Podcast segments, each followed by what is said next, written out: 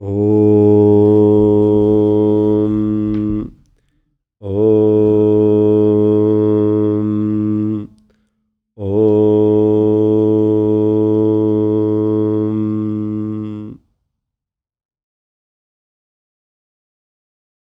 ॐ। सहना भवतु सहनौ भुनक्तु सह वीर्यं करभावहै।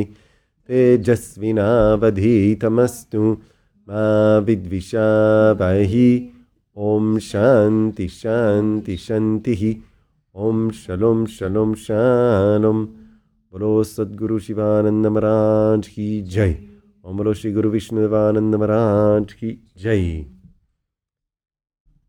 ओम नमः शिवाय אנחנו ממשיכים עם הלימוד פרק 3 של הבגבד גיתא, והגענו לפסוק 34. פסוק 34 מהווה המשך ללימוד שדיברנו עליו בפסוק 33, כיצד אל לו לאדם אה, לרסן את טבעו. עכשיו, אנחנו הלא יודעים שביוגה מדובר הרבה מאוד על ריסונים. האנגה, האיבר הראשון של הרג'ה יוגה או האשטנגה יוגה, זה ימה, ריסונים. יש שם מדבר הרבה מאוד על הנושא של ריסון החושים, ריסון ההכרה וכולי. אז שוב נשאלת השאלה, איך יכול להיות שהוא מדבר על לא לרסן את הטבע? אז פה ניתנת בעצם התשובה. לא שלא צריך, אה, זה לא שצריך לרסן את הטבע.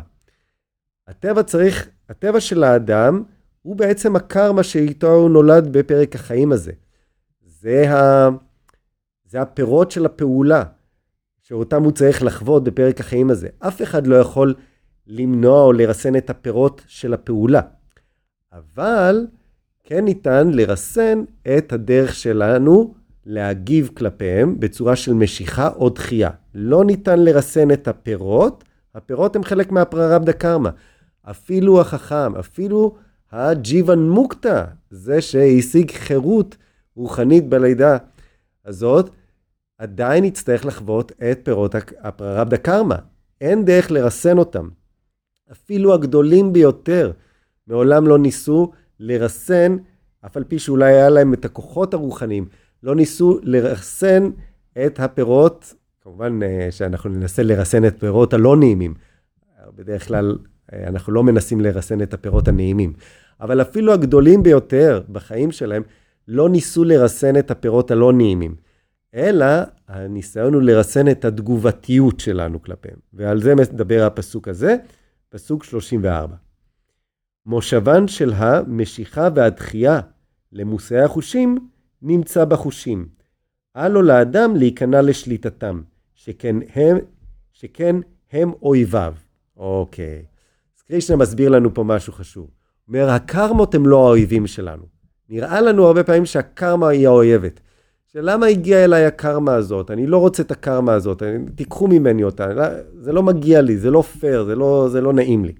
אני, אני חושב שהקרמה היא האויבת שלי. יש אומר, לא, הקרמה היא לא אויבת, ואל לך לנסות לרסן את הקרמה. מה כן אנחנו צריכים לרסן? את המשיכה והדחייה למושאי החושים. את המשיכה והדחייה שלנו מהקרמה.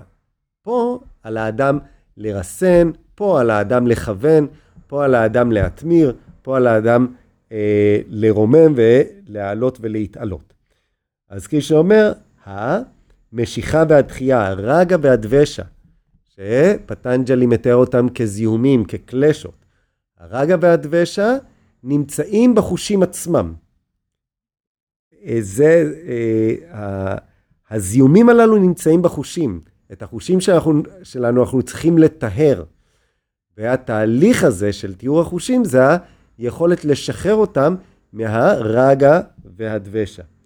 אל לו לאדם להיכנע לשליטתם, שכן, שכן הם אויביו, אותם רגע ודבשה, אותם זיהומים, הם האויבים של האדם בדרך להתפתחות רוחנית. שוב, לא הקרמות, לא ההתנסויות, אלא הדרך, התגובה שלנו אליהם בצורה של משיכה ודחייה. איך עושים את זה? איך משחררים את הזיהומים, איך מטהרים אותם, בפעם הבאה.